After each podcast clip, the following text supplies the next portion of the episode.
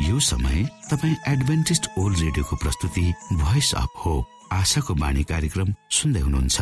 कार्यक्रम प्रस्तुता म रवि यो समय तपाईँको साथमा छु।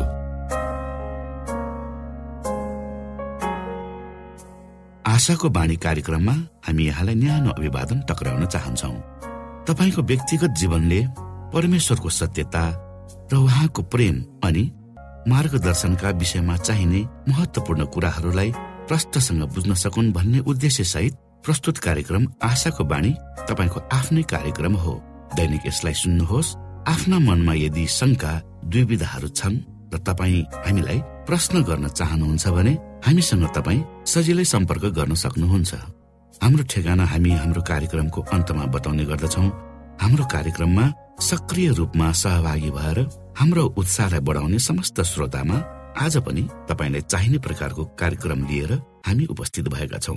श्रोताको चाहना र श्रोताको व्यक्तिगत जीवनका भलाइका कुराहरूलाई समेटेर प्रस्तुत गरिने यो कार्यक्रम आशाको बाणी तपाईँ सुन्दै आउनु भएको छ र आज पनि हामी त्यही क्रममा छौँ। सुरुमा सुनौ यो मधुर क्रिस्टीय भजन।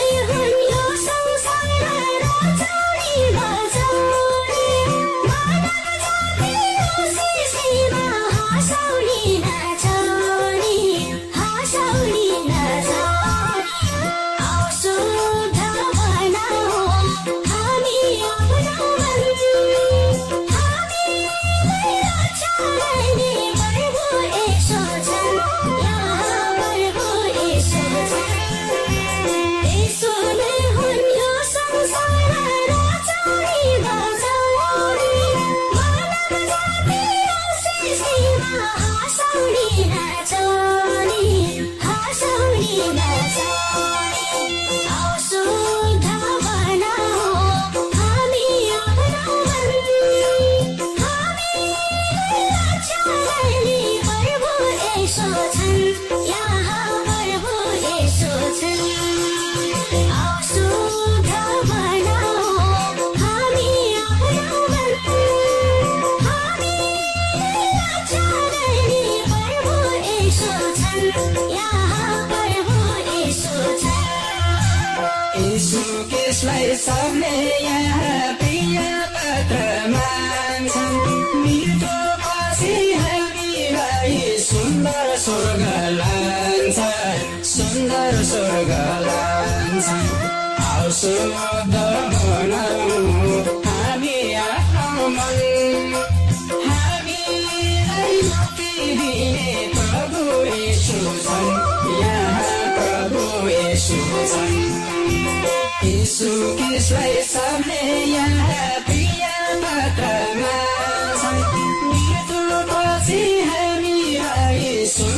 स्वर्ग लान्छ सुन्दर स्वर्ग लान्छ शुद्ध बनाऊ हामी आफ्नो हामीलाई मुक्ति दिने प्रभु यीशु छन् यहाँ प्रभु यीशु छन् शुद्ध बनाऊ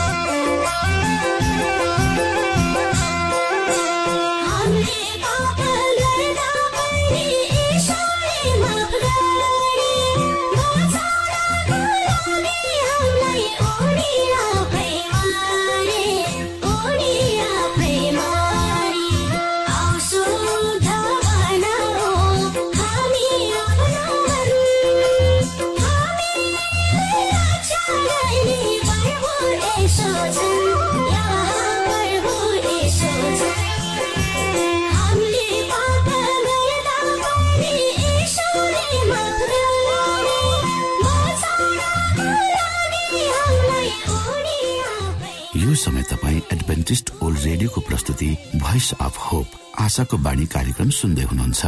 श्रोता मित्र यो समय हामी पास्टर उमेश पोखरेलबाट आजको बाइबल सन्देश सुन्नेछौ। श्रोता साथी न्यानो क्रिस्टी अभिवादन। म पास्टर उमेश पोखरेल। तपाईँहरूको आफ्नै आफन्त परमेश्वरको वचन लिएर पुनः तपाईँहरूको बीचमा यो रेडियो कार्यक्रम मार्फत उपस्थित भएको छु। आजको प्रस्तुतिलाई अगाडि बढाउनुभन्दा पहिले आउनुहोस् हामी परमेश्वरमा अगुवाईको लागि प्रार्थना राखौँ। जीवी जिउँदो महान दयालु परमेश्वर प्रभु यीशु हामी धन्यवादी छौँ यो जीवनको लागि र यो जीवनमा दिनुभएका प्रशस्त आशिषहरूको लागि। प्रभु यो रेडियो कार्यक्रमलाई म तपाईँको हातमा राख्दछु। यसलाई तपाईँको राज्य महिमाको प्रचारको खातिर प्रयोग गर्नुहोस्। सबै बिन्ती प्रभु यीशुको नाममा। आमेन।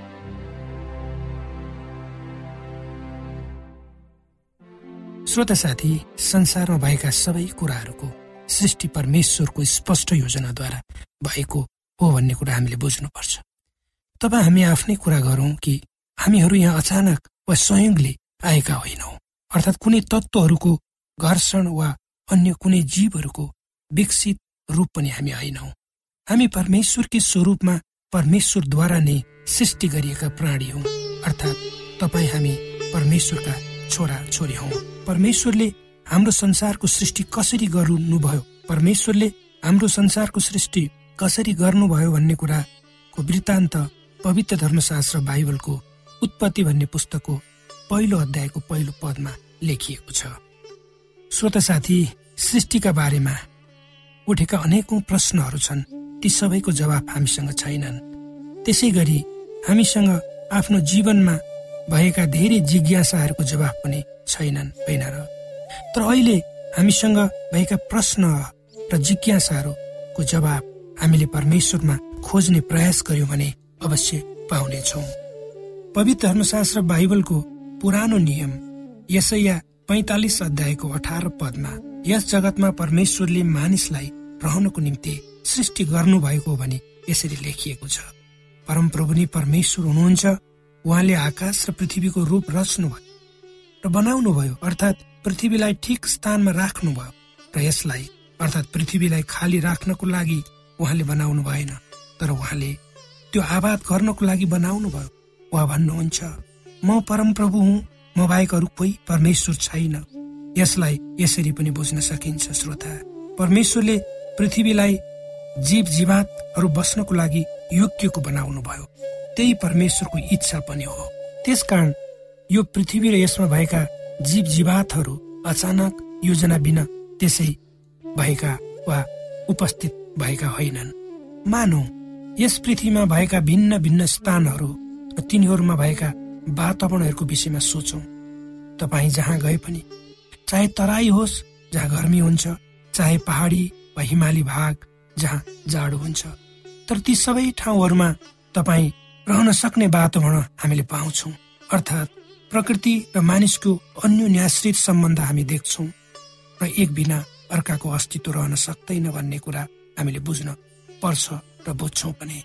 प्रकृति चाहे भूमि पानी रुख बिरुवा ढुङ्गो माटो सबै मानिसहरूका खातिर र मानिस प्रकृतिका खातिर एक भएर जिउनु पर्छ त्यही परमेश्वरको योजना पनि हो।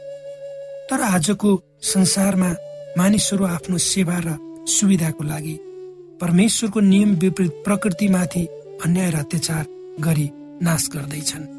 त्यसको परिणाम स्वरूप आजको यो संसार उजाड हुँदैछ। त्यसैले त आजको युगमा बास गर्ने हामी मानिसहरूले दिन प्रतिदिन प्राकृतिक प्रकोपहरू जस्तै बाढी पहिरो भूक्षय अतिवृष्टि अनावृष्टि जस्ता कुराहरू हिजोका दिनहरूमा भन्दा आज बढी देखिरहेका छौँ। र त्यसबाट हामी प्रत्यक्ष रूपमा प्रभावित भएका छौँ र यो क्रम नरोकिएमा। अथवा मानिसले परमेश्वरको योजनालाई व्यवस्था गरी यदि आफ्नै मात्र हितका खातिर प्रकृतिमाथिको अत्याचारलाई बन्द गर्दै अथवा मानिस प्रकृतिसँग मिलापमा बस्दैन भने आगामी दिनहरू मानव जातिको लागि शुभका दिनहरू हुने छैनन्। र यसले अन्तत्व गत्वा मानिसको सभ्यतामा नै असर पार्नेछ। श्रोता साथी सूर्य मण्डलमा भएका ग्रहहरूको तुलनामा हाम्रो पृथ्वी भिन्न छ। कतिपय ग्रहहरूमा पानी हुन सक्छ तर अहिलेसम्म केवल पृथ्वी बाहेक मङ्गल ग्रहमा मात्र केही मात्रामा पानी पाइएको छ भन्ने कुरो जानकारीमा आएको छ। तर पृथ्वीलाई हेरौँ त्यहाँ धेरै पानी पाइन्छ किनकि पानी जीव जीवातहरू रहनको लागि आवश्यक छ। त्यसै गरी पृथ्वीको वायुमण्डललाई हेर्न सकिन्छ जहाँ अक्सिजन वा प्राणवायु र नाइट्रोजन जुन विषालु वायु हो। तर अक्सिजन र नाइट्रोजनलाई मिलाएर पृथ्वीलाई सन्तुलित गराइएको छ। तर अन्य ग्रहहरूमा ग्यास र वायुहरू हुन सक्छन् तर त्यहाँ भएका ग्यास र वायुहरू एक आपसमा सन्तुलित नभएको कारणले त्यहाँ मानवको लागि रहन सक्ने वातावरण छैन। त्यसैले त अन्य ग्रहहरूमा अझसम्म मानव बस्तीहरू भेटिएका छैनन् भनेर भनिन्छ। यद्यपि वैज्ञानिकहरूले यस विषयमा प्रयत्न र कोसिसहरू गरिरहेकै पाइन्छ। अर्थात् चाहे पानी होस् चाहे वायुमण्डलको कुरा होस् वा तापक्रमको कुरा किन नहोस् सबै कुराहरू जुन यो पृथ्वीमा छन् ती मानिस र जीव जीवातहरू बाँच्नको लागि अस्तित्वमा छन् भन्ने कुरा हामीले बुझ्नुपर्छ। अब यी सबै कुराहरू परमेश्वरले बनाउनु भएको हो किनकि उहाँ नै हाम्रो सृष्टिकर्ता एकमात्र परमेश्वर हुनुहुन्छ र उहाँ प्रभु यीशु क्रिस्ट हुनुहुन्छ। श्रोता साथी यी कुराहरू थाहा पाएपछि के तपाईँ प्रभु येसुले भन्नुभयो बमोजिम आफ्नो जीवनलाई? उहाँको इच्छा अनुसार प्रकृतिको मिलापमा अगाडि बढाउन चाहनुहुन्न र मलाई विश्वास छ अवश्य चाहनुहुन्छ। आजको प्रस्तुति तपाईँलाई कस्तो लाग्यो? तपाईँका जिज्ञासाहरू हामीलाई लेखेर पठाउनु होला। परमेश्वरले तपाईँलाई आशिष दिउन्।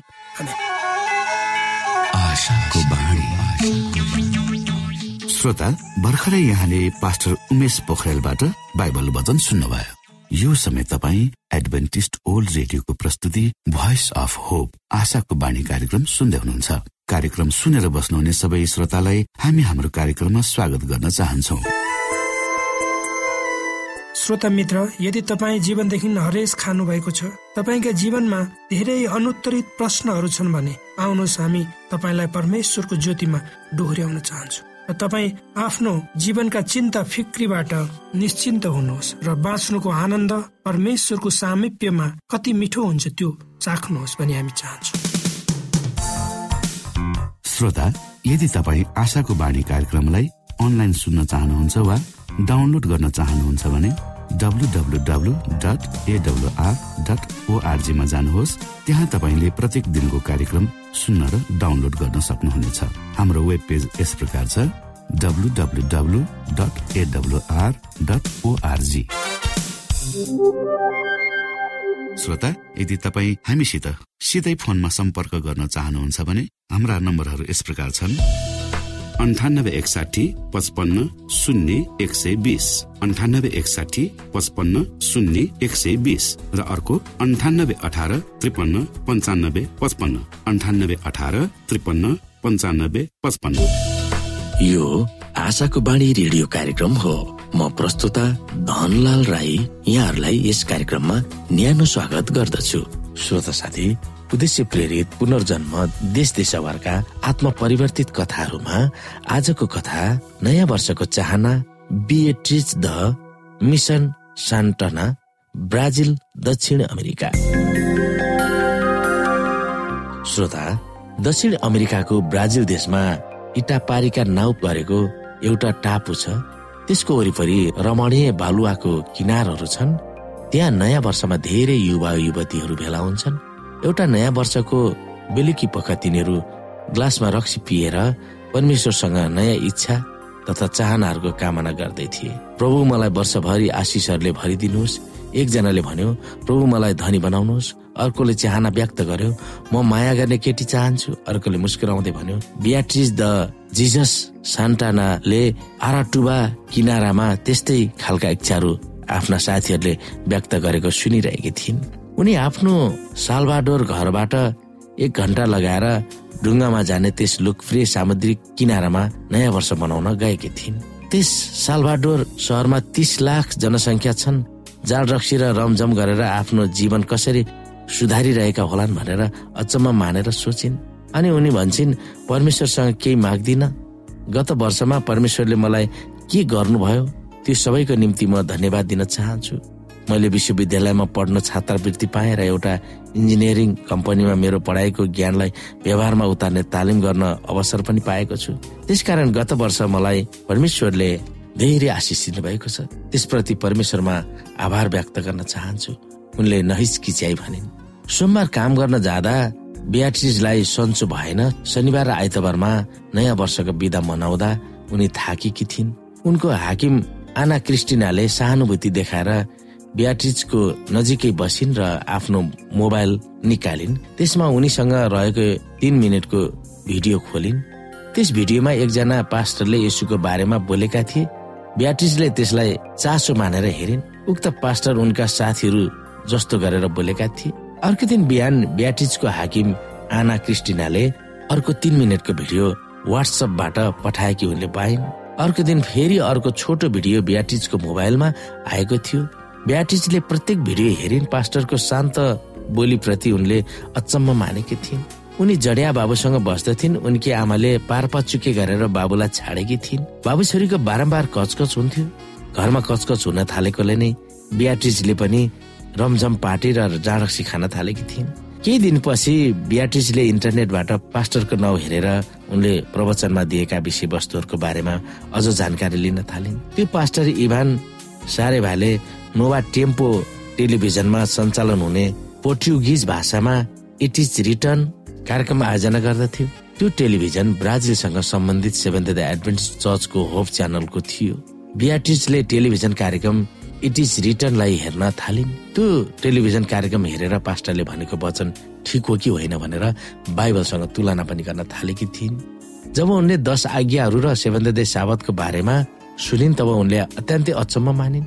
साबतको बारेमा उनले कहिले पनि सुनेका थिएन। तीन हप्तासम्म टेलिभिजन कार्यक्रमको साथै बाइबल अध्ययन गर्न थालेपछि उनले आफ्नो विगतको जीवनको निम्ति परमेश्वरसँग क्षमा मागिन्। उनले आफ्नो हृदय परमेश्वरको निम्ति खुला गरिन् र पहिलोपल्ट परमेश्वरले उनको प्रार्थना सुनिरहेको उनले महसुस गरिन्। बिहाटी चर्च जान थालिन्। एकजना साथीले आइतबारको दिन चर्चमा आउन निम्ति दिइन्। तर जब उनी त्यस चर्चमा गइन् तब बाइबलले भनेको सातौं दिनको साबतलाई त्यस चर्चले किन पालन गरेन भनेर उनले सोचिरहेकी थिइन्। बियाटिजकी हाकिम आना क्रिस्टिनाले उनको सम्बन्ध परमेश्वरसँग नयाँ भएको महसुस गरिन्। उनले ब्याटिजलाई घरेलु चर्चमा यीशुको बारेमा अरूहरूसँग अध्ययन गर्न निम्ति दिइन्। त्यहाँ धेरै मानिसहरू विभिन्न कोठाहरूमा समूह समूह गरेर साबत र अरू दिनहरूमा बाइबल अध्ययन गर्दथे। बियाटिज तुरुन्तै त्यस घरेलु चर्चको मोहमा फसिन्। मलाई सबैले अङ्गालो मारे र मलाई त्यो ठाउँ घर जस्तै लाग्यो। मेरो मनमा शान्ति आएको महसुस गरे। अन्तर्वार्ताको क्रममा ब्याटिजले भनिन् ती मानिसहरूको स्नेह देखेर उनी छक्क परिन्। यिनीहरू मलाई किन यसरी धेरै माया गर्छन्? तिनीहरूले मलाई चिनेका छैनन् तर तिनीहरूले तिम्रो दिन राम्रो होस् भनेर पनि अभिवादन गर्छन्। ममा भएको बाइबलको ज्ञानको बारेमा तिनीहरू सुन्न चाहन्छन् र म कसरी पढिरहेको छु सुप्रति पनि तिनीहरू चासो देखाउँछन्। म को भनेर थाहा पाउनु भन्दा अघि नै तिनीहरूले माया देखाउँछन्। अचम्म मान्दै उनले भने चर्चको दुई युवा युवती आमान्दा र भिटोरले ब्याटिजलाई हरेक साबत बाइबल अध्ययन दिए अन्तमा आएर ब्याटिजले आफ्नो हृदय यसुलाई समर्पित गरिन् र चर्चको बाहिर रहेको पौडी खेल्ने पोखरीमा बत्तिसमा लिइन्। त्यो देखेर ब्याटिजकी हाकिम आना क्रिस्टिना खुसीले रोइन्। आज ब्याटिजले उनका बाबु आमा र दाजुले यसुलाई ग्रहण गरोस् भनेर प्रार्थना गरिरहेकी छिन्। उनको दाजुले इट इज रिटर्नसँग बाइबल अध्ययन गर्न सुरु गरिसकेको छ। आश्चर्य कामहरूमा म विश्वास गर्दिनथे। आजको जमानामा आश्चर्य वा अलौकिक कामहरू असम्भव भन्ठान्थे तर परमेश्वरले नै मेरो जीवनमा सही आश्चर्यकै काम गर्नुभएको छ। पार्टी रमझम जाँड आदि खाँदा भित्री मनमा रित्तोपना अनुभव गरेको थिएँ त्यही रित्तोपनालाई यसले आफ्नो प्रेम दिनु भएर भर्नु भयो उनले विवाह गर्ने युवासँग गत वर्षको नयाँ वर्षको साँझ मनाए। तिनीहरूले अङ्गुरको जुस पिएर रमाइलो गरे। र परमेश्वरको आशिषको निम्ति उहाँलाई धन्यवाद चढाए। म परमेश्वरसँग नजिक हुन चाहन्छु। म परमेश्वरलाई कहिले पनि अन्त नहुने प्रेमले प्रेम गर्न चाहन्छु। प्याटिसले भनिन् आमेन।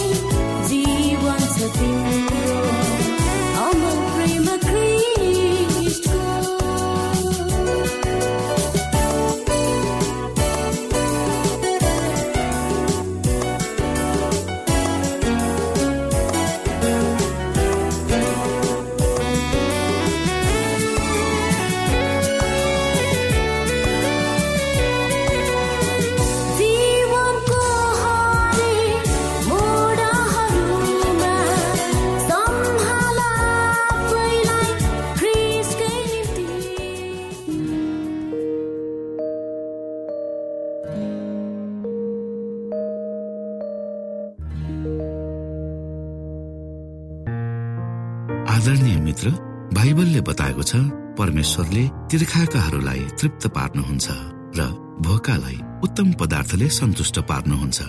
हामीलाई दिइएको यो छोटो समय आशाको बाणीको प्रस्तुतिको समयमा हामीले हाम्रा श्रोताको आत्मिक भोकलाई केही मात्रामा भए तापनि सही प्रकारको खुराक पस्केर आत्मिक सन्तुष्टि दिन सकेका छौँ केही ऊर्जा थप्न सकेका छौँ भनेर हामीले आशा राखेका छौँ।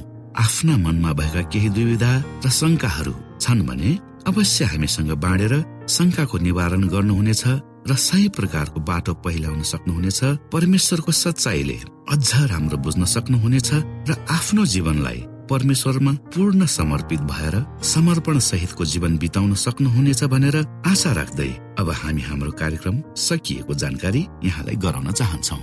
जानुभन्दा अगाडि श्रोता हामी यहाँलाई हाम्रो ठेगानाको विषयमा जानकारी गरौं।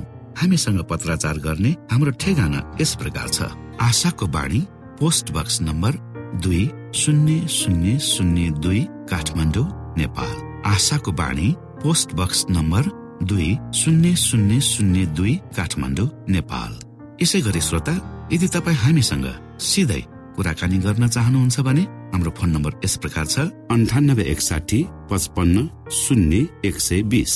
अन्ठानब्बे एकसाठी पचपन्न शून्य एक सय बिस। र अर्को अन्ठानब्बे अठार त्रिपन्न पन्चानब्बे पचपन्न।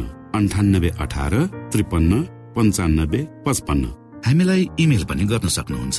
हाम्रो इमेल एड्रेस यस प्रकार छ Nepal at AWR dot ORG Nepal at AWR dot ORG यदि तपाईँ हामीलाई अनलाइन सुन्न चाहनुहुन्छ वा डाउनलोड गर्न चाहनुहुन्छ भने तपाईँ W W W dot AWR dot ओआरजीमा जानुहोस् र त्यहाँ तपाईँले हाम्रा सबै कार्यक्रमहरू सुन्न सक्नुहुनेछ। हाम्रो वेब पेज यस प्रकार छ W dot AWR dot ORG श्रोता यसमा गएर तपाईँले हाम्रा दैनिक कार्यक्रमलाई सुन्न सक्नुहुनेछ र डाउनलोड पनि गर्न सक्नुहुनेछ। हवस् त श्रोता हाम्रो कार्यक्रम सुनिदिनु भएकोमा एकचोटि फेरि यहाँलाई धन्यवाद दिँदै भोलि फेरि यही स्टेशन यही समयमा यहाँसँग भेट्ने आशा राख्दै प्राविधिक साथी राजेश पास्टर उमेश पोखरेल र कार्यक्रम प्रस्तुता म रवि यहाँसँग विदा माग्दछौ। परमेश्वरले तपाईँलाई धेरै धेरै आशिष दिनु भएको होस्। नमस्कार।